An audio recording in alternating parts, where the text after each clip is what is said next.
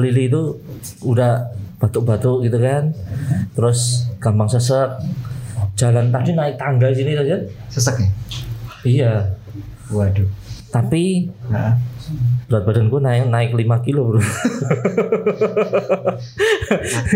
gue gue kemarin tuh denger tuh denger tentang apa eh, ban bocor gitu ya ban bocor gitu ban bocor terus ada apa nggak maksudnya tentang jantung bocor tentang jantung bocor. nah itu yang agak heran jantung itu bisa bocor juga ternyata ya Oke. Tapi kan ini dok, apa namanya udah dewasa kan dokter kan? Iya, makanya saya takut takut gue takut takutnya itu jangan-jangan dewasa juga bisa tuh bocor juga gitu ya. Punya kemarin ngobrol ngobrol sih dokter Lili sih. Cuman gue ngeri aja gitu. Oke. Gimana lu lu ada solusinya sih? Ada sih. Kan kita pas banget kan Apa? di podcast. Ya. Wih, ini potes ya? Iya, di kita di podcast kita kan. Oh iya iya. Kirain tadi itu Sehat dan solutif. Oh iya. iya. Oke, saya ada solusi. Pastinya bro, gini. eh, eh, nanti kita akan bahas nih tentang eh, jantung bocor dan Jantung bocor. penanganannya. Dan nggak hanya itu aja ya. Di episode kali ini kita juga mendatangkan eh, narasumber yang beliau itu pasiennya.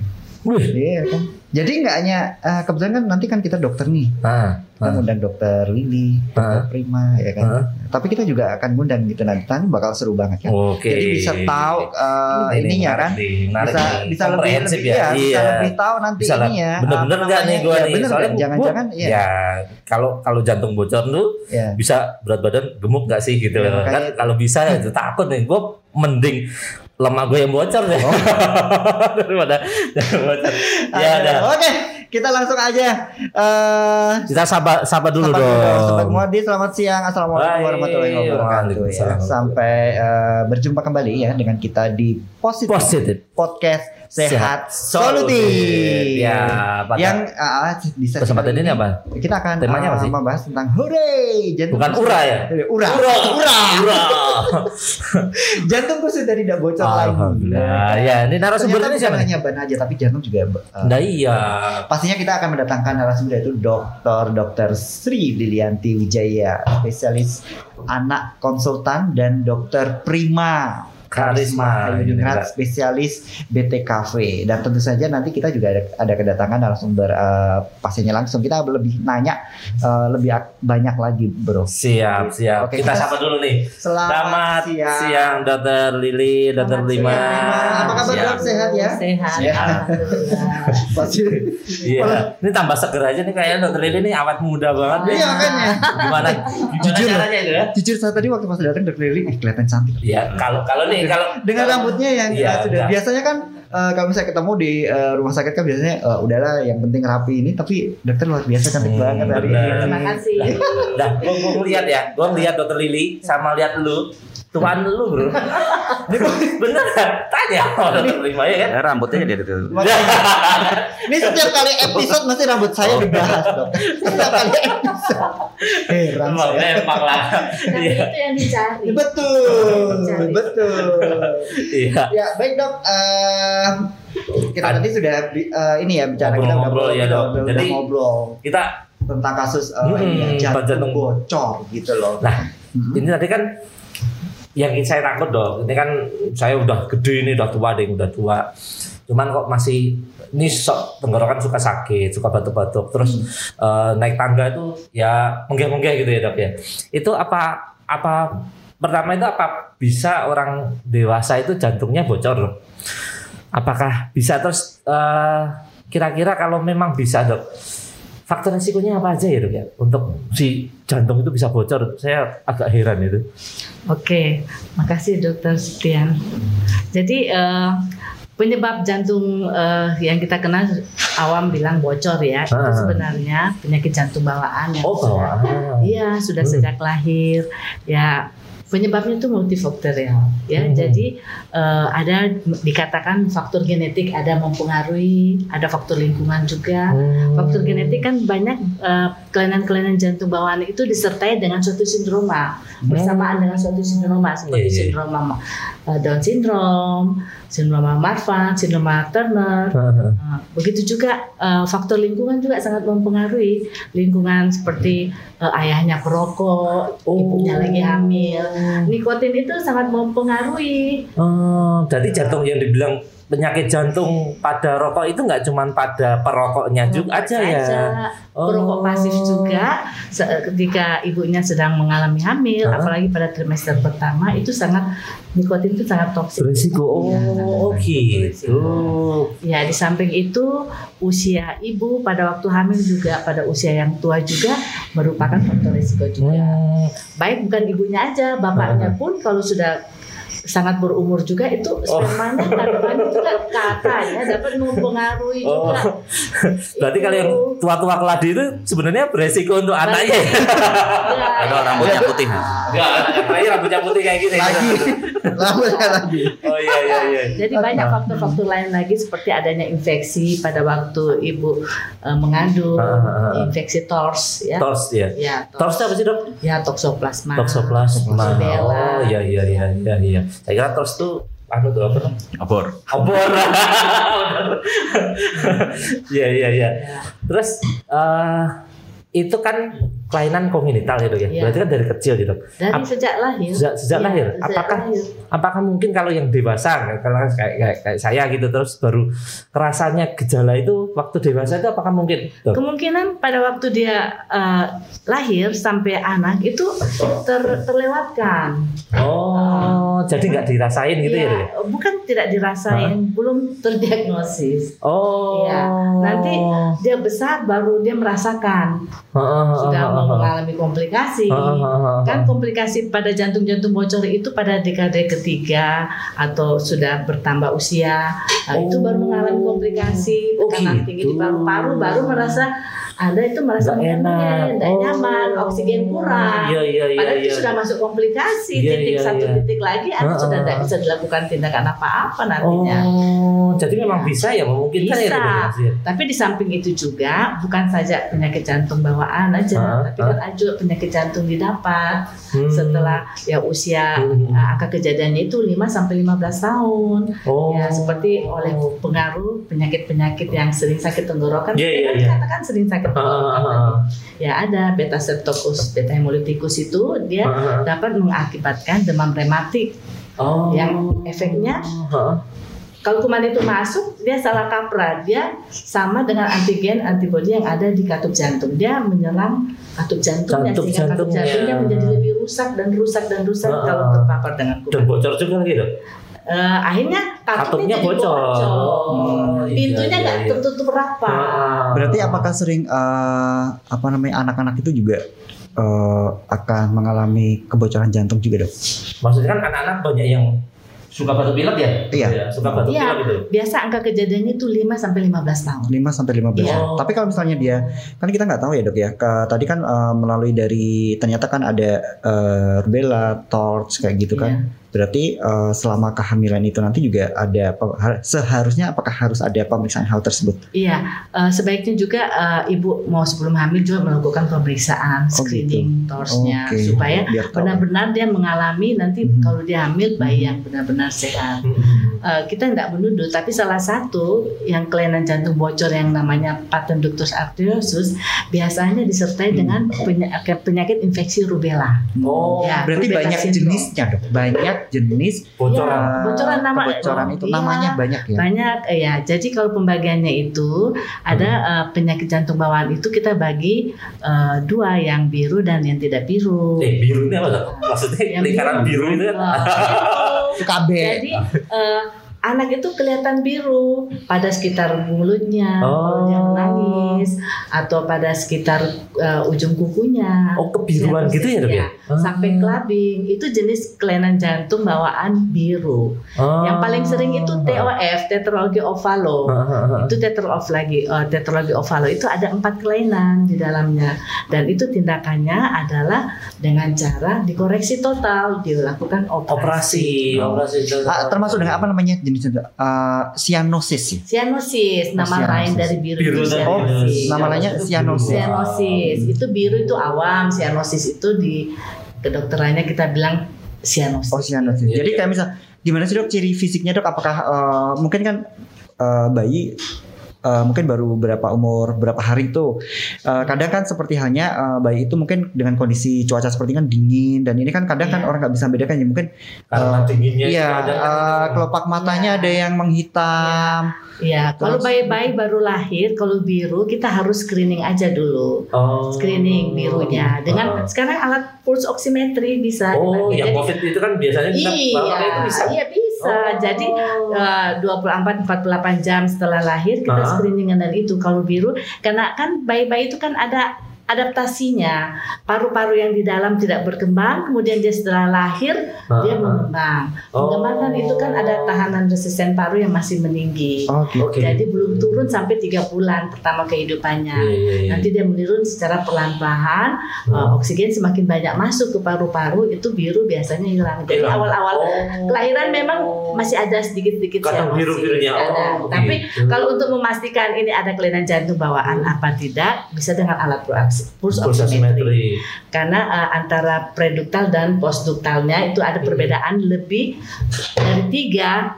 Uh, itu fungsinya apa tuh? Maksudnya ya, untuk fungsinya ya preduktal itu kan uh, ada ya anatomi. Uh-huh. Jadi ada yang ke kaki dan ada yang ke lengan kanan. Oh, Jadi lengan ya, kanan sama kaki. Kaki, kaki oh, kiri. Gitu. Kita kaki kiri. lakukan pemeriksaan dua kali. Jadi kalau ada perbedaan selisih dari tiga, lebih dari tiga persen itu ya, ya angkanya tiga persen ya. Angka itu uh-huh. dari 95 menjadi 90 kan. Uh-huh. ya. uh-huh. Nah, itu kemungkinan besar ada penyakit jantung. Oh, gitu. Bawaan. Jadi malahan uh-huh. yang kritis, yang uh-huh. sangat dark dependent. Uh-huh Oh, dependent gitu. yang sangat memerlukan uh, PDA ini harus tetap terbuka. Ah. Tapi kalau memang dia sudah uh, saturasinya sudah menurun ah. dari uh, nilai menurun itu di bawah ya, 90 ya, berarti. Ya, ya. Di bawah 90 ya, ya Dok ya. Di bawah 90 ah. ya kita bisa mengatakan mencurigakan ya mungkin ada penyakit jantung bawaan. Iya, iya. Dan itu, kita lakukan pemeriksaan ah. alat eko untuk selanjutnya untuk Oh, jadi. Iya, Dok, itu tadi kan yang diperiksa tangan kanan dengan kaki, kaki kiri itu ya. setelah bayi lahir kan kadang kan ada ibu muda gitu kan. Ya. Kadang kita nggak tahu. Kalau nah. misalnya kamu kan dokter nih. Kalau saya bertanya gini dok, hmm. saya orang awam ya dok ya, uh, bukan orang medis. Saya nanya untuk mengenali tanda-tanda pertama nih. Saya punya baby tiba baru berapa hari. Nah mungkin uh, mengenali bahwa gejala gejala-gejala pertama kali kalau misalnya uh, ada kelainan jantung itu seperti apa dok? Ya uh, dia menangis dia biru Oh. Kalau nangis biru. biru. Oh, kalau ya. nangis biru. Ya. Kan tadi kan dokter menjelaskan ya. ukuran secara medis ya, harus ya. dengan alat dan ini Kemudian, kalau misalnya ya bisa nah. juga kita tes itu kan kalau ada perbedaan ah, kalau, itu ah, atau dia kalau umpamanya tidak dilakukan pemeriksaan, dia kalau dikasih nete itu nggak bisa lama, putus-putus. Oh. Nah, Birunya itu berarti dari kulit uh, wajah. Uh, di, di sekitar mulut. Oh, di sekitar mulutnya. Oh, Oke, okay. ya. berarti di sekitar mulutnya kalau misalnya dia biru, biru, berarti kita sudah curiga ya. Curiga, kita curiga. harus mencurigai. Hmm. Ya. Terus abis itu dia dia kalau menetes juga sering terputus-putus, oh. tidak bisa lama. Okay. Tapi kalau ibu-ibu yang baru mempunyai anak pertama kan sulit membedakan. Ya, betul. Nah, itu betul. Iya. Kan beda sama iya. bapaknya. Kalau bapaknya ya. Iya. Iya, iya, iya. Atau dia berkeringat yang banyak ya. Uh, ya. ya. Itu perlu kita curigai. Terus itu kejadiannya berapa banyak dong? Maksudnya apakah Ya cukup lumayan dari uh, eh, 8 sampai 10 per seribu kelahiran hidup. 8 sampai ya. 10 per seribu kelahiran hidup itu cuma lumayan ya dok ya? Ya, hmm. jadi uh, tergantung juga kelainan-kelainan apa saja yang uh, yang yang uh, bisa dilakukan opera uh, waktu untuk time untuk operasi juga itu nggak semuanya disamaratakan. Oh. Ada yang harus uh, setelah lahir dilakukan tindakan, ada yang ditunggu sampai sebelum empat bulan, oh, ada gitu. yang nanti dua tahun, ada yang beda, satu iya beda tergantung jenis jenis itunya. Jadi kalau memang tadi uh, kalau sobat Muardi ada yang punya baby gitu ya, baby, yeah. baby baru lahir, terus netek atau nangis itu yeah. ya nangis biru terus netek nggak bisa lama gitu yeah, ya. kemudian semakin biru. Oh, perlu dicurigai. Iya perlu dicurigai dan kalau terdiagnosa dia dia ternyata adalah TGA Uh, dia pada waktu awal kelahiran dia membiru semakin jelek, itu kita laku harus melakukan tindakan intervensi. Kita harus, harus ya? lakukan pas uh, uh, balon aturan septostomi untuk membuat supaya anak ini lebih banyak mendapatkan oksigen. oksigen. Itu berarti ya, operasi ya? Ya harus, harus tindakan intervensi operasi. aja, intervensi. bukan oh. operasi. Oh. Tapi setelah dilakukan gitu. intervensi setelah itu dia sudah membaik, tunggu beberapa saat sebelum empat bulan dia harus dilakukan atrial switch. Oh, operasi, operasi terbuka. Oh. Ya. Jadi operasi jadi terbuka. memang enggak. Umur berapa itu? Hmm. Jadi ya kita, di usia nah. di bawah empat bulan paling 4 bulan, paling ya. maksimalnya ya. Ya paling cepat ya. Kalau di luar negeri sih satu bulan udah dilakukan. Iya. Ya. Jadi tergantung oh. institusi di mana ya. sudah ya institusinya juga. Jadi pokoknya kuncinya teman-teman kalau bayinya biru tadi ya biru ya. nangis biru terus kemudian neteknya sedikit-sedikit coba mungkin dicek dulu berarti dari ya. saturasinya ya saturasi nanti ya. di beli uh, pulsa oximetri di lengan kanan sama kaki kaki kiri. kaki kiri. Lengan kanan sama kaki kiri. Nah, ketika itu berbeda lebih dari lima persen atau tiga persen, lebih dari tiga persen atau angkanya di bawah normal deh ya, ya. di bawah sembilan puluh. Nah, ya. di bawah itu kita perlu curigai. Iya, kita curigai itu itu kuncinya ya teman-teman ya. ya. Terus ternyata nggak semuanya itu harus dioperasi ya dok. Iya. Ada yang intervensi juga ya. Intervensi, oh. ya, ya. Ada ya, ya, ya. intervensi. Ya dok. Terus kap, eh, ini mumpung ini ada ada ahlinya ini ada dokter prima ini. Kapan sih dok uh, bayi itu kan ibu-ibu ini takut, waduh nanti kalau dioperasi gimana gitu ya dok. Kapan sih uh, ini pasien atau bayi atau anak itu harus dilakukan operasi dan kapan bisa diintervensi ya dok ya? ya. Itu kapan ya dok ya kira-kira dok? Maksudnya biar wah ini jangan-jangan nanti kata bawa ke rumah sakit terus dioperasi gitu loh. Yang itu kan yang suka-suka ditakutkan gitu ya. Baik, uh, mungkin ini lebih cepat Dokter Lili yang yeah. oh, menjawab nih kapan. Jadi yeah. ketika hal yang paling penting ketika akan melakukan operasi jantung itu adalah diagnosisnya dulu, gitu. Karena hmm. diagnosisnya itu harus pasti. gitu, ya. Kenapa? Tadi sudah sampaikan Dokter Lili, operasi jantung itu kelainan jantung bocor itu bermacam-macam. Hmm. Ada yang biru, ada yang tidak biru. Betul betul betul. Tidak ya. biru itu juga ada macam-macam. Ada ASD, oh. ada kebocorannya di dalam level serambi, misalkan ah. kalau bahasa jantung anak SMA itu kan serambi bilik, ada di level ah. bilik, ah. ada di level yang lain. Itu ah. kalau yang biru itu macam-macam lagi ada tetralogi ovalo yang paling banyak, ada lagi kelainan-kelainan lain TGA dan lainnya. Oh, jadi bocor itu pun nggak selalu biru ya, ya dok ya? Waktunya pun timingnya ada yang harus segera, ada yang nanti kita operasi dan itu tugas dari dokter Lee dan kawan-kawan untuk memastikan. Kenapa? Karena operasi jantung itu operasi yang secara sederhana dikatakan itu adalah operasi yang harus sekali berhasil. Jadi begitu diagnosisnya tidak tepat nanti oh, iya. akan jadi dan itu beda-beda tiap tiap kelainan itu beda-beda ASD, VSD, ATOF itu cara operasinya berbeda. Kalau tadi kan uh, apa namanya untuk uh, tindakan pertama adalah intervensi ya dok. Ya. Kalau misalnya untuk intervensi tersebut itu apakah juga menggunakan uh, peralatan seperti cat lab dan itu? Ya sangat kita kita butuhkan cat lab ya untuk intervensi. Kalau BAS itu tanpa inter, uh, cat lab juga bisa di ruangan ICU kita bisa dengan uh, dituntun oleh alat ekokardiografi aja oh, itu bisa. Itu Namun yang Ya, yang itu pas yang awal pas, tadi. Ya, ya awal biru oh. tadi. Ya, kalau dia TGA kan oh. kita harus memperbaiki dia oh. punya oksigenasi oh. dengan membuat lubang lebih besar malahan. Oh, malah nah, di tingkat ya di tingkat uh, serambi. supaya terjadi mixing pencampuran yeah, yeah, yeah. Oksigen udara yang baik di tingkat uh, serambi. Oksigennya jadi yeah. lebih banyak gitu ya. Iya, karena ya. tekanannya nggak begitu berbeda signifikan hmm. sehingga dia bisa terjadi percampuran darah yang baik di situ hmm. di tingkat atrial. Namun jika umpamanya dia ada PDA penyakit jantung hmm. bocor yang lainnya itu tergantung berat badannya lagi.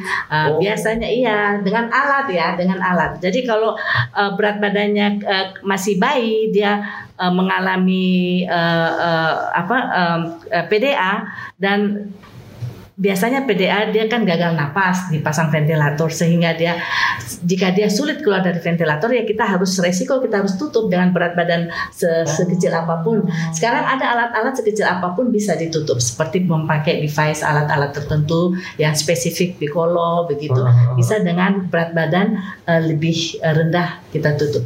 Dulu batasnya 6 6 kilo. Uh. Tapi sekarang sudah bergeser berat badan semakin kecil kita bisa Bisa di rumah sakit dokter Murti juga bisa. Bisa, insya Bisa. Wah. Aku juga baru tahu. Kuncinya di situ. Ya. Dokter Prima, saya nanya dulu dokter. Iya. Uh, eh, itu tadi kan uh, bisa jadi operasi itu kan ada dua intervensi sama yang uh, non intervensi atau medik operatif uh. ya. Uh, umur berapa dok? Kalau misalnya uh, anak itu misalnya apakah juga harus uh, bedah torak atau bagaimana dok? Mungkin untuk persiapannya maksudnya untuk ya. persiapannya. Persiapan operasi jantung itu yang pertama tadi diagnosisnya harus hmm. pas, harus pasti.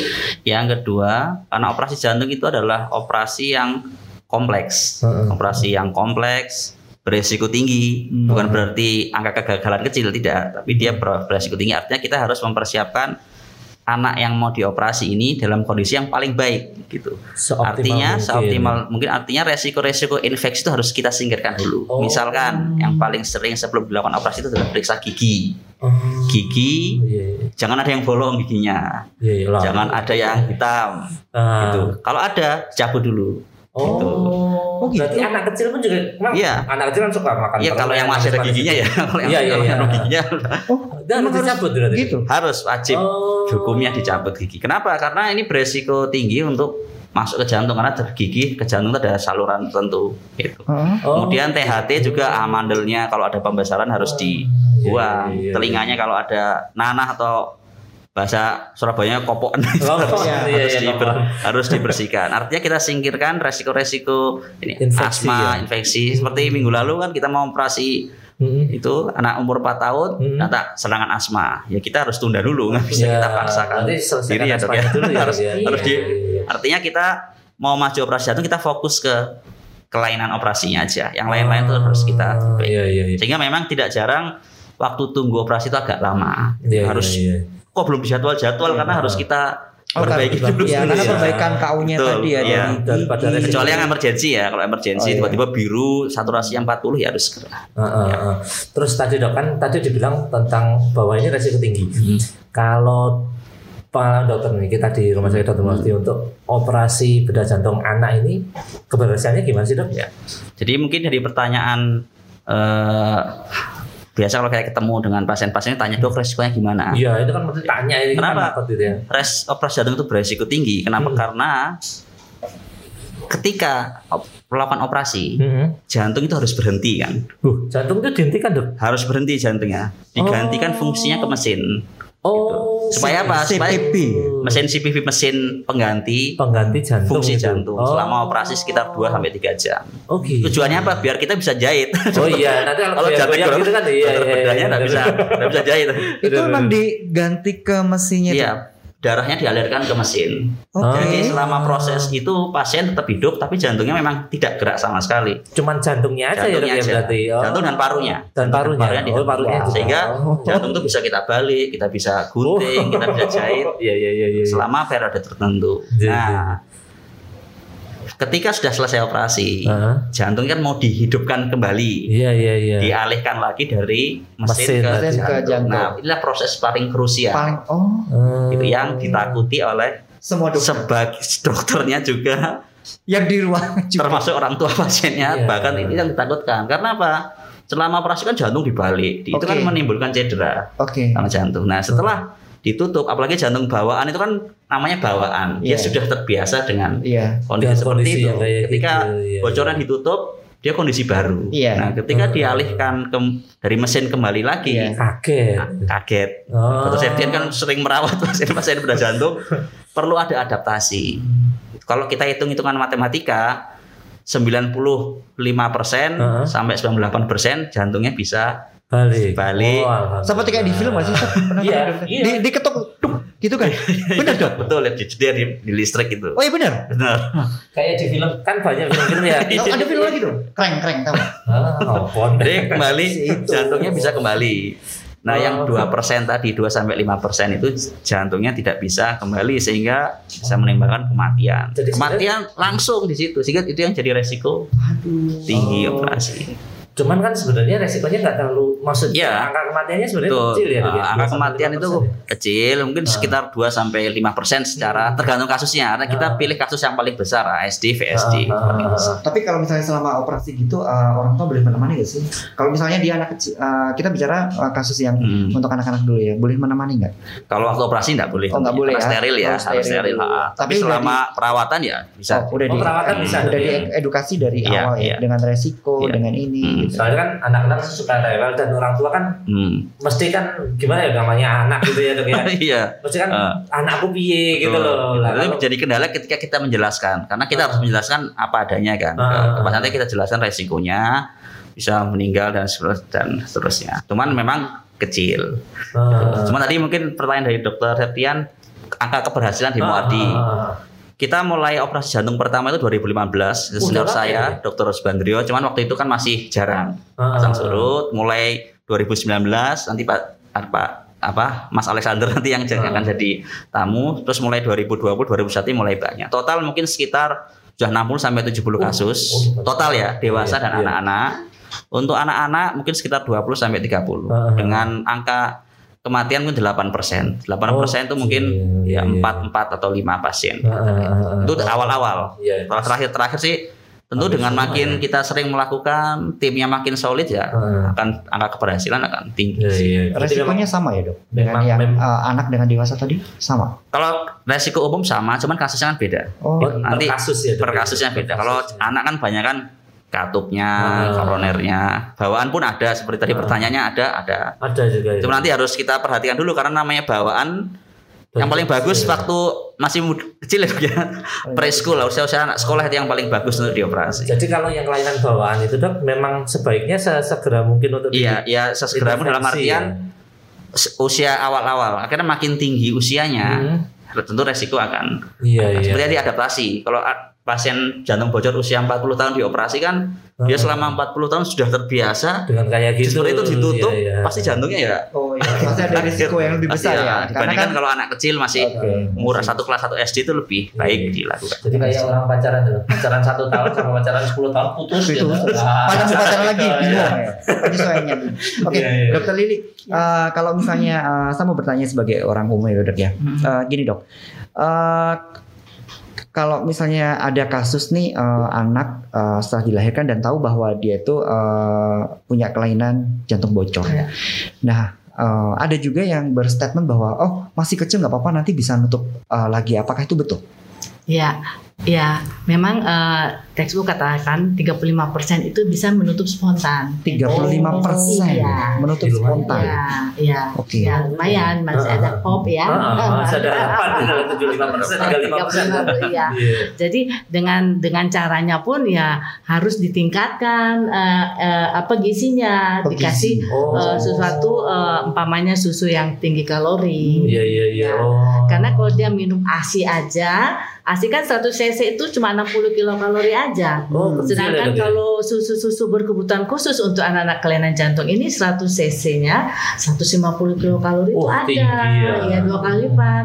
Oleh karena kebocoran itulah yang menyebabkan anak-anak bayi-bayi dan anak-anak itu sulit untuk naik berat badannya karena kecurian oleh kebocorannya itu. Oh. Jadi dia harus mengejar catch up.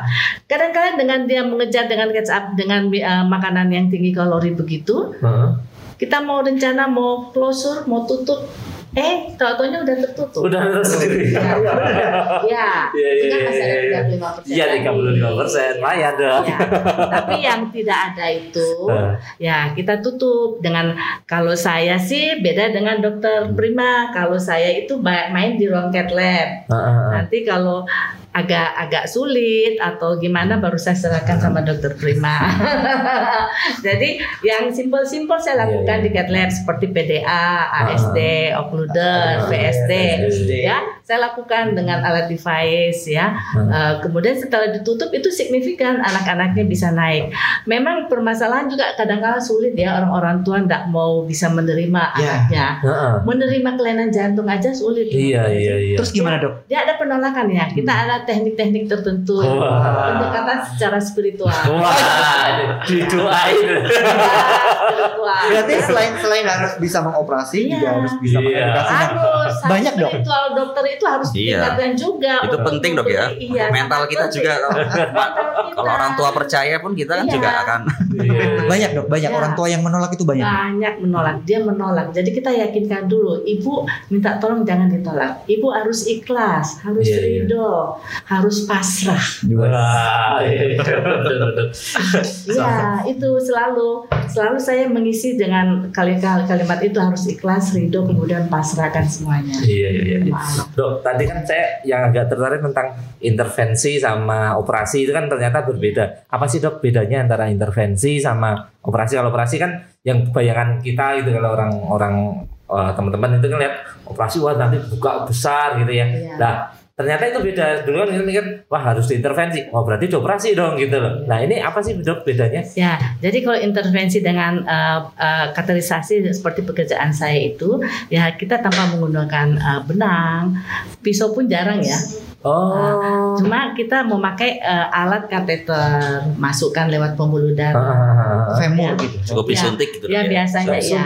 Oh. Nah, jadi uh, tanpa benang. Uh, tapi kalau uh, uh, lubangnya terlalu besar kita melakukan insisi itu kadang-kala perlu benang. Tapi hampir rata-rata nggak perlu benang. Oh. Jadi kita melakukan lewat uh, uh, paha ada Uh-huh. dua pembuluh darah itu Uh-huh. vena dengan uh, arterial di situ kita masukkan, di situ kita masukkan kateter menuju jantung. Jadi kita main locally tapi Oh. kita punya wawasan harus globally. Oh iya Ya. iya iya iya iya. Jadi kita tinggal Ya, melihat di monitor gitu dok ya. monitor ya kita melakukan Oh. locally saja di paha kita lihat monitor, namun di jantungnya yang kita kerjakan gitu. Oh gitu. Iya. Jadi ngerjainnya di paha, Di paha. tapi yang dikerjain jantungnya. bocornya, Oh bocornya. dengan suatu alat device Ah. dengan beberapa teknik-teknik tertentu. Oh berarti Iya. berarti memang nggak semuanya itu diburasi itu dibedah gitu ya? Tidak semuanya. Berarti yang ini Jadi kayak kayak ASD yang masih bentuk sekundum itu yang kita kecil gitu ya. jangan sekundum. Tapi kalau yang primum sinus venosus kita serahkan sama dokter. Oh iya iya iya. Karena iya. nggak ada untuk eh, apa? Nggak bisa. untuk- bisa. Ada kriterianya berarti dok ya. Ada Ya, ada kriterianya. kriterianya. Intervensi, ada apa kriteria Iya. di operasi. operasi? Oh iya, VSD iya, yang tipe PMO kita bisa lakukan atau PDA, PDA yang ini. Ah. Jadi eh, hal-hal yang itu yang kita eh, bisa lakukan ya kita lakukan. Oh, berarti Ya. Karena untung untungnya juga baik eh, eh, eh, waktu pemulihannya Ah, cepat ah, ah. dan eh, tidak membuat orang tua cemas betul betul betul. dan eh, ya tidak masuk mesin CPB. Ya, jadi nggak Apalah. dijaga ya. Tetap. Yang Iya. takut itu kalau orang tua kan Re- resikonya iya. Berarti, Eh, waktu eh, perawatan rumah sakit juga bisa Cepat. cepat. Bisa cepat ya. juga ya? Pemulihan cepat. Ah. Eh, biasa 6 jam dia sudah bisa jalan. Oh, 6 jam udah bisa Iya, jalan? besok udah pulang. ya. Nah, Cepet banget. ini di rumah sakit Muarti juga ada dong? Sudah lama. Wah, sudah lama. Berarti kan maksudnya Iya. kalau kalau pasien itu kan eh, orang tua biasanya kan pengen yang terbaik buat anak Iya, gitu. pasti. Berarti kalau di rumah sakit Muarti itu kan semua berarti kan semua kelainan apa pun itu bisa ya dok ya. Insya Kalau Allah, kalau yang kalau yang bisa diintervensi diintervensi kalau Iya. nggak bisa bisa dioperasi di sini ya kan. Kalau kalau yang lain kan kadang terus dirujuk ke mana lagi Iya. akhirnya harus ke mana lagi ke mana lagi gitu loh dok. Iya. Oh ya siap Pasca mantap. ya, Dok. operasinya itu eh, untuk ini untuk dokter Prima sama dokter Lili deh. Kan beda ini kasusnya nih, satu intervensi, satunya kan dengan eh, Operasi. medik operasi ya, medik operatif. Berapa lama dok pemulihan? Saya kan bilang tadi udah biasa hari Udah langsung. hari ini masuk, besok dilakukan tindakan, besok Besoknya pulang. saya pulang. Tiga hari aja. Ya, tiga hari Untuk yang aja. intervensi. Ya, Intervensi. Kalau intervensi. Intervensi. Intervensi Tapi kalau yang Kalau yang enggak, Kalau operasi, Operasi. jadi setelah operasi yeah. itu harus dirawat di ICU. Nanti dokter Septian yang ICVCU. ICU. Oh, ICU. ICU untuk anak khusus ICU anak. Itu hmm. adalah masih fase kritisnya. Itu kan namanya operasi jantungnya berhenti tadi kan. Oh, okay. Itu kan ada fase adaptasi. Di ICU itu sekitar Ya kalau bagus sih satu dua hari. Satu dua hari. Tapi kalau itu perlu bagus. Bagus. Rata-rata juga oh, iya. Karena kan harus masukkan obat-obatan untuk menstabilkan jantungnya. Oke. Okay. Itu.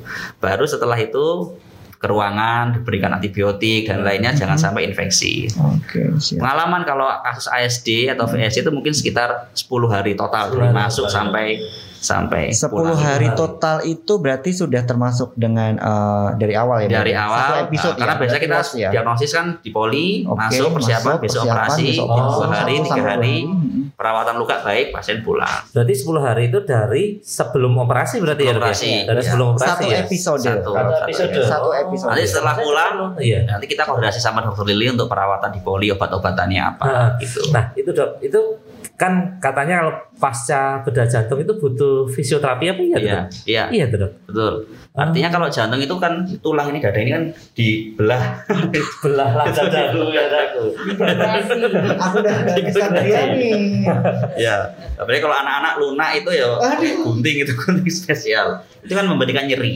Nyeri kita jahit, Nah itu membutuhkan latihan, latihan nafas, okay. latihan gizinya, otot okay. nafasnya untuk menunjang. Uh, Tapi biasanya enam bulan itu sudah menyambung tulangnya itu setahun oh, sudah sudah sudah ini ya. Oh berarti itu fisioterapinya berarti selama enam bulan itu? Fisioterapi paling sekitar tiga bulan mungkin kayak kalau anak-anak mungkin yeah. agak lebih berbeda ilmunya nanti kalau dengan yang dewasa. Gitu. Tapi kalau anak lebih cepat biasanya. Oke. Okay. Karena tumbuh kembangnya itu. Siap.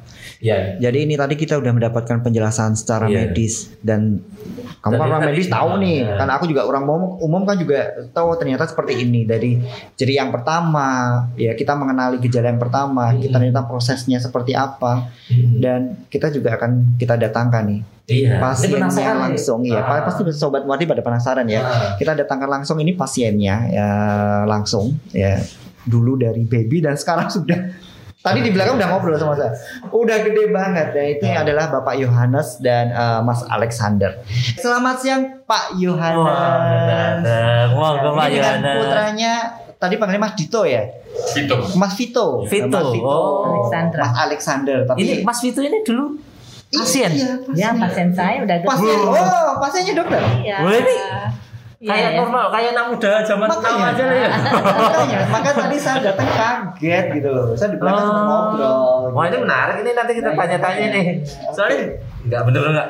Maaf ya saya saya ngeliat kayak orang normal aja oh, maksudnya nggak nggak ada masalah saya juga, saya juga kaget iya kan? ya, mau nanya iya, dengan iya. Pak Yohanes nih Pak Yohanes uh, ini uh, apa namanya uh, sudah berhasil nih eh, eh. lupa Oh iya, iya. iya. Sudah ingat. Enggak dengar sekarang. ya. Pak Yohanes kan uh, putranya sudah menjalani operasi uh, ini ya, uh, bedah jantung. Yeah. Bedah jantung ya, Bedah jantung ya, Dok ya? Bedah, bedah jantung terbuka. Berarti yang operasi tadi deh, bukan intervensi ya? Dari dari usia oh. berapa, Pak? Saya, mungkin kita uh, perlu diceritain ini. Awal mulanya dulu ya, Pak ya. Uh, Mas uh, Vito ini dari umur berapa dan uh, pertama kali Bapak uh, tahunnya ya tahunnya seperti apa gitu. Monggo. Waktu itu kita belum mengenal ya apa itu jantung bocor atau apa gitu ya. Iya. Tapi setelah uh, tahapan bayi itu lahir huh? kan melakukan imunisasi. Huh? oh iya imunisasi. Saat imunisasi itu uh-huh. ada bekas suntikannya yang membisu gitu loh bengkak bengkak gitu. Oh, waktu itu saya periksa di dokter David ya bilang hmm. uh, apa? Paragon ya. Ah. uh, kemudian sama dokter David diminta ini nanti operasi dibelah untuk apa? Sisi. Uh, bengkakan dari imunisasi itu uh. sebelum ada operasi dicek semua. Dicek oh, diperiksa. Ada ada yang beda di jantungnya oh. gitu. Akhirnya di usia dini itu kita berapa bulan pak? Tepatnya? Imunisasi berarti satu bulan. Satu bulan? Ya? Udah lebih sih ya. oh lebih dari satu bulan. Satu bulan? Lebih dari satu bulan. Oh, tapi ini judulnya bukan yang bergejala karena jantungnya dulu ya? Iya. Oh, berarti termasuk Berarti dengan jantung bawaan. Gini, Ya, ya. memang ada kelainan jantung bawaan yang memang udah ada Nggak gejala kelihatan apa-apa, ya. seperti. ASD. Ha, ha, ha, ha. ASD itu memang tidak membunyi, eh, tidak ada bising, tidak ada Ha, ha, ter- ha, ha. eh, desir jantung, Ha, ha. enggak, memang enggak. Cuma kadang-kala ya kalau dia terlalu besar, anak eh, sering mengalami ISPA. sesak. Sering Mungkin batuk-batuk ya, itu iya, tuh ya. ha. Mungkin eh, keluarga cuma anggap batuk biasa ya. Iya. Oh, nah itu di berarti dulu operasi di umur satu bulan enggak. untuk operasi jantung. bukan operasi eh, tapi setelah kita tahu Ah. Ada bisul dulu kan. Ah, ah, persiapan operasi apa bekas imunisasi Bekas imunisasinya. Hah? eh, pengobatan dulu jadi apa detak jantungnya di terlambat kan ya kasih obat kuning Oh, gitu kan ya jadi itu terus dikasih obat dulu ya. Masa itu kan Ah, ah, ah. udah selesai malah ininya pecah sendiri Bisulnya. Iya. Oh, Bisulnya pecah sendiri akhirnya kita udah tahu kan Ah. akhirnya ya melihat kenapa sih jantung bocor terus pengobatannya gimana ah. cari tahu baca artikel Ah, ah. Nah, dan itu itu termasuk yang nggak biru yang tadi disampaikan dokter ini ah. sama dokter Prima Iya. nggak biru sama mata juga nggak biru nangis juga nggak pernah biru Iya, betul, betul. Eh, hanya itu kelihatan di dadanya itu kalau tidur itu Muncul. detaknya ya Oh, Kencang. kelihatan itu Pak ya. kelihatan. Jadi waktu pas waktu bayi, nah ini waktu bayi kan mungkin ada bukan tradisi ya, apa namanya di bedong, tau nggak? Iya. Nah di bedong itu juga waktu kecil Mas Vito juga di bedong kan, Pak? Atau gimana? Kan biar iya oh, waktu sudah sudah tahu ketahuan eh, itu tetap di bedong atau mungkin wah ya tetap di bedong oh tetap di bedong ya namanya? tawanya Tahu udah, di bedong? udah Iya, di- eh, tiga bulan lebih. Oh Ah. gitu. Berarti eh, dengan eh, itu juga nggak nggak mempengaruhi eh, takutnya kan dulu apa kan jantungnya terlalu cepat dan ini gitu.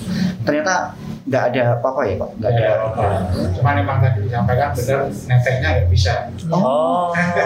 Putus-putus. Iya. Berarti dulu formula gitu. Ah, ah, berat badannya sempat kecil, Bagus kalau sama berat badan bagus juga sih dan gemuk.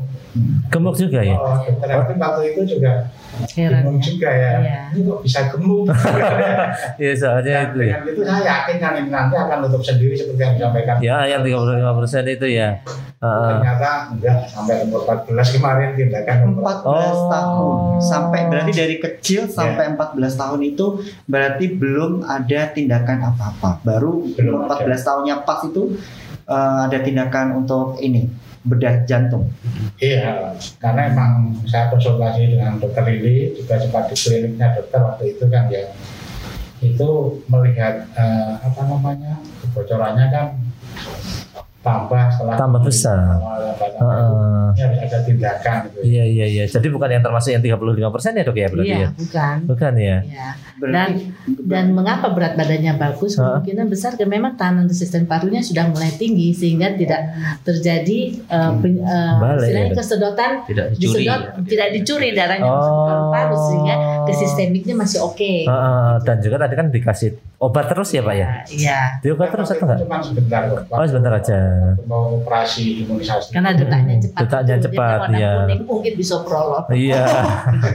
Ah, warna ah, kuning ah. tahu ya Iya. oke Mas Vito sekarang umur berapa ini Mas Vito Sekarang saya sudah berusia 16 tahun. 16 tahun ya Oh, berarti Oke. dua tahun yang lalu pak ya? Dua tahun yang Mas lalu. itu ya operasinya ya 2019 sih. Oh iya, dulu iya. waktu Mas Vito kan kecil ya. Tadi kita udah bicara di eh, luar nih kita ulang lagi. Kecil kan Mas Vito juga waktu SD, terus SMP, aktivitas seperti biasa. Ya. kalau misalnya tahu jantungnya beda. Ya. Main bola gitu, secara fisik gitu atau eh, ada ada rasa beda nggak sih mas? Ada Maksudnya beda. kalau kan biasa kan olahraga suruh lari, lari sprinting gitu. dulu Nah, kecil SD. Kalau yang lain tuh larinya ya bisa bener 10 detik gitu ya, 11 detik. Nah, itu apakah Mas itu kalau dalam kondisi yang sama gitu ya dengan eh, suruh lari yang sama itu cepat menggah-menggah gitu nggak sih? Ya. Iya. Iya, betul. cepat capek. Oh, berarti memang ada gejalanya yang sebenarnya mungkin lebih gampang lelah gitu ya dulu ya. Betul. Oh iya iya iya. Cuma kalau biru nggak pernah mas gitu ya. Nggak pernah. Hmm. Nah ini terus yang yang menarik ini adalah Mas Vito dulu berarti operasi usia 14 tahun ya dok ya? Berarti 14, 14 tahun ya? 14 tahun. 14 tahun itu kan masih takut-takutnya ya. Dulu gimana rasanya Mas Vito? Pengalamannya itu. Pertama kali harus tahu oh, oh wah ada operasi ini aku sudah gitu. difonis sama dokter Lili. Uh, Bisa operasi ya gitu. Pertama sih takut ya karena kan baru pertama kali operasi seumur hidup kan. Iya iya dan operasi langsung operasi langsung besar. besar. Ya. besar. Dulu dengan dokter Prima. Dulu konsul masuk ke dokter Subandrio. Oh, masih, oh, biasanya kita kalau operasi anak-anak kan saya ikut. Oh, dua. Nah, kasus, kasus dua operasinya kan bareng-bareng. Nah, kasus seperti itu tadi seperti Mas Vito tadi berapa lama dok pasca uh, pemulihan pasca operasinya? Kalau ASD itu adalah operasi yang kasus yang sering dijumpai ya dokter ya. Yeah. kita hitung secara statistik di populasi itu ASD itu adalah yang paling sering. Paling banyak ya. Paling sering dan paling tinggi angka keberhasilannya dan oh, paling sederhana. Gitu. Lah paling sederhana. Sederhana itu bukan mudah. Operasi jantung sulit semua. Kan jantung cuma yang paling yang paling jarang sekali operasi ASD itu bersifat fatal. Bila oh, bila iya, iya. dioperasi pada usia yang tepat. Nah, kalau iya, untuk Mas Vito ini usia belasan itu sebenarnya termasuk resikonya agak tinggi dok ya. Karena paru-parunya ini paru-parunya ini sudah iya, agak berat gitu. makanya termasuk walaupun ASD tapi usia segitu memang usia yang Udah yang agak ya. agak beresiko tinggi uh, gitu. Ah. Yang paling ideal ya usia sekolah. Usianya usia berapa tuh kalau boleh tahu untuk mungkin untuk, sekitar enam tahun ya enam tahun preschool gitu. Dan nanti kan dokter Lili akan memastikan bahwa paru-parunya tekanannya ini bagus bisa menerima oh, bisa, bisa menerima kondisi ketika bocornya itu sudah ditutup. Karena oh. tidak jarang begitu ditutup tadi adaptasinya jantungnya malah capek. Malah capek ya. Gitu. Ya. Itu ya kalau itu agak agak, agak sulit berat memang. Ini Pak Pak Yohanes nih. Hmm. Uh, sebagai orang tua Pak, yeah. ya kan sudah difonis sama dokter ini Bapak ini besok harus operasi dan ternyata operasinya sangat besar ya kan uh, bedah orang. Nah uh, pasti dulu uh, sudah mendapatkan edukasi dari dokter. Perasaannya gimana Pak? Kan ini bisa dibilang tadi resikonya besar sekali kan gitu. Gimana Pak? Seperti dikatakan dokter ini langsung ingat Tuhan ya dok. Pasrah. Wah ini dokter ini luar biasa ya. Aduh, saya selalu ya, selalu saya lambari dengan spiritual. Betul. ini kalau boleh tahu, uh, itu anak keberapa nih? Anak pertama ya. Anak pertama ya. Apalagi, apalagi anak pertama ya. Biasa kita kalau operasi anak pertama juga kita juga deg-degan. Ya, ya. Tapi kan sudah diberikan edukasi. Dulu ya. bapak sama ibu gimana nih? Kalau misalnya, wah selama operasi itu pasti udah tegang di luar itu.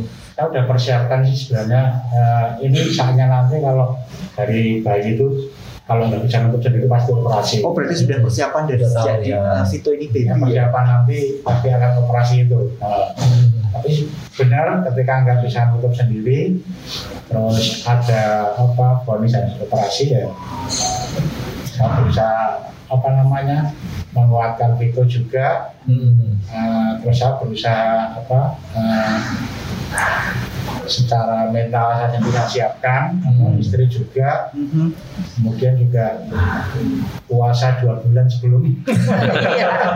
oh iya, puasa dua bulan prihatin anak. Ya ini anak pertama ya. Iya, biasa nggak nggak ditahu ya. Betul. Sampai puasa ngebleng itu kan hariannya. oh iya, ngebleng pak. Kalau anak pertama itu kita diskusi sama dokter dok, yakin mau dioperasi dok. Ya, itu kan. Kalau ada apa-apa gimana? Makanya itu.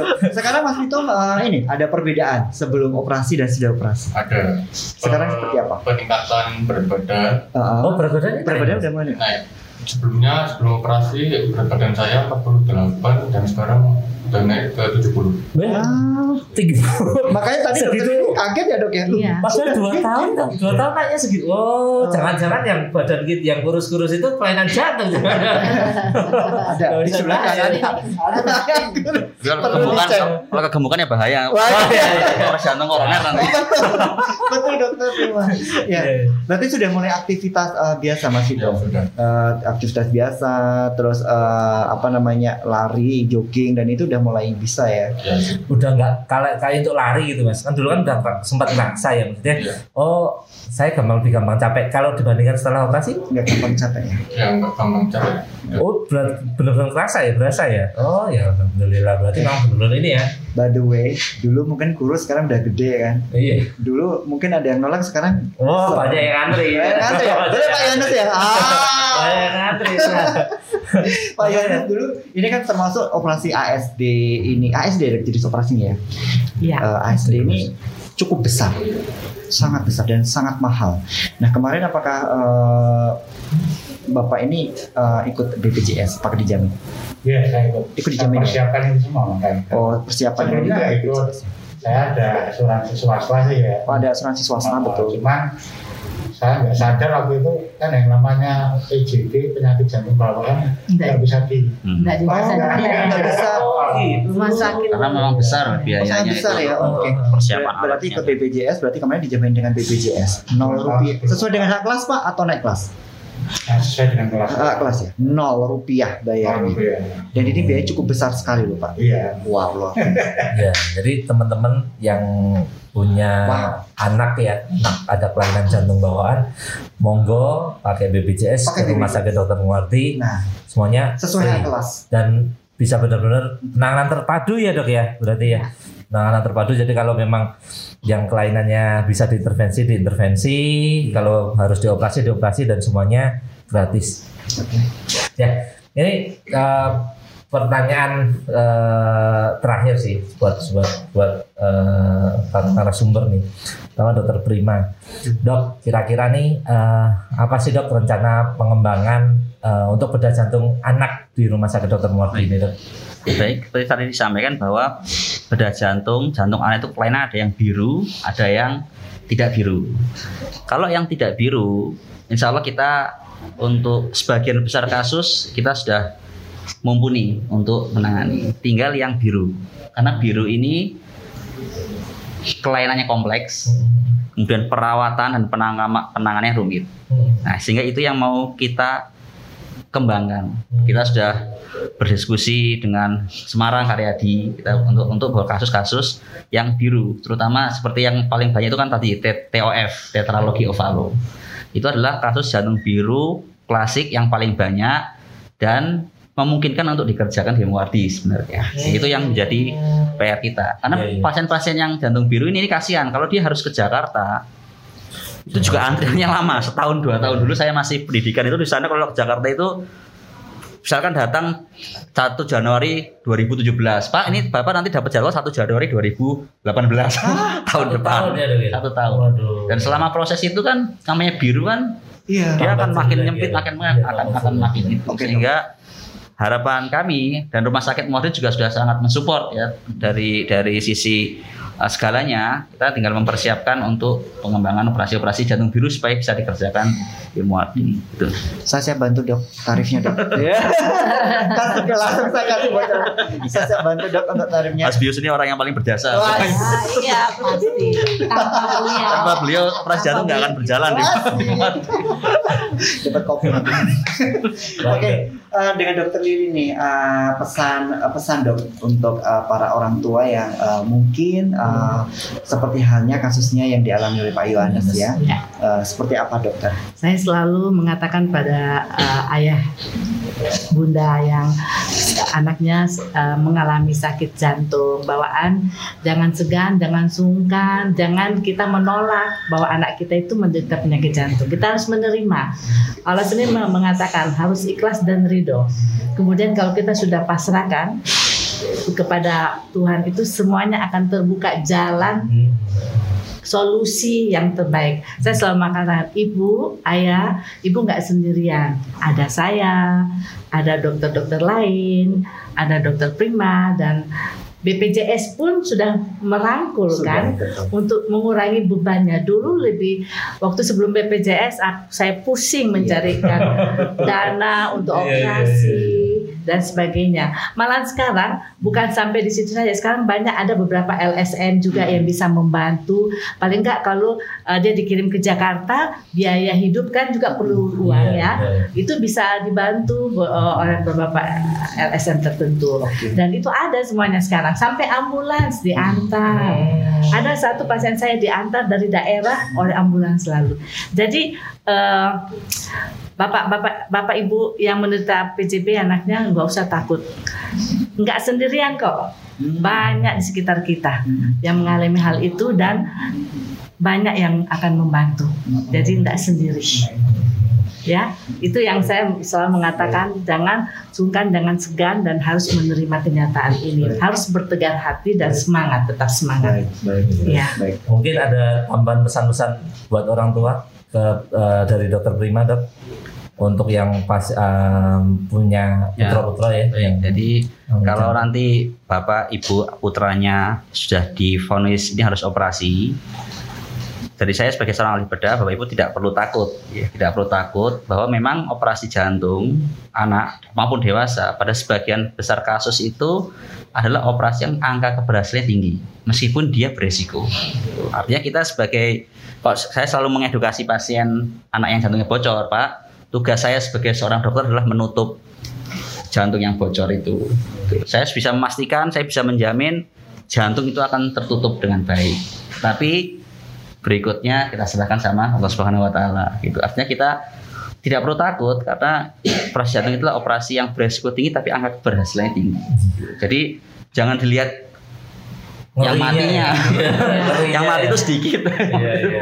Dilihat yang yang berhasilnya. Makanya kalau di poli itu kadang-kadang pasien itu saya boleh minta pasien yang dari pro saya kasih karena kita punya list list ah. datanya ini ada nomor teleponnya monggo telepon ya. itu gimana itu atau WhatsApp saya pun saya 24 nah. jam saya tidak pernah menolak kalau misalkan di WhatsApp. Termasuk itu sih. Pak Yohanes berarti ada di sini. Mungkin deh abis ini Pak, abis podcast ini Pak Yohanes nanti nomor Dia beliau sudah aktif ke dokter Subandrio karena kan beliau ketemunya dokter. Oh iya. saya ya. Akan selalu berdiri terus Pak. Betul ya kemarin. Iya. Iya Pak gitu. Oke, sekalian nih Pak Yohanes pesan dan pesan ini buat uh, sobat Muadi dan sebagai uh, untuk masyarakat umumnya bahwa Pak Yohanes ini adalah saksi hidup keberhasilan dari uh, proses uh, operasi uh, yang sekarang putranya sudah sangat sehat sekali. Sehat sekali. Iya. Gak punya pacar tiga. Tiga. Tampaknya pacar tiga istri satu loh. Monggo Pak, silakan pesan dan pesannya Pak. Pesan-pesan saya yang saya sudah mengalami sendiri ya. Jika ada indikasi penyakit jantung bocor segera atasi karena uh, untuk meng, mengeliminasi anu ya, resiko yang lebih tinggi ya. Karena kalaupun itu harus operasi lakukan. Karena kalau nggak operasi ya kita simpan berwaktu ya. Betul. Kemudian akan semakin parah itu. Iya. Dan percaya saja uh, Tuhan akan kasih jalan untuk usaha-usaha kita yang terbaik. Gitu. Luar biasa. Ya, ini okay. menarik sekali nih Om. Seru ya ternyata ya. Seru banget. Baru kali ini kita digeruduk sama biasanya satu dua Mary harus ini. Dan ini bikin pencerahan loh. Maksudnya kan semua orang tuh pada takut nih. Wah ada jantung. Wah kita dewasa aja. Wah jantung gitu kan. Nah ini ternyata di sini kita memberikan solusi ya, solusi. ya kan. Dan, tapi sebenarnya mau kita ngobrol lebih banyak lagi. Tetap nah, aja iya. kita dibatasi oleh waktu, oleh waktu. yang Mereka, memisahkan kita. Bukan ya. dibatasi sama yang di depan. Oh, iya, iya. waktu habis waktu habis. dari ya Ya ini ya. Uh, mungkin kita bisa kita tutup ya. kalau saya hari ini. Terima kasih kepada Dokter Bima, Dokter Lili, Pak Yohanes, Pak Mas Mas Vito. Mas Vito terima kasih waktunya.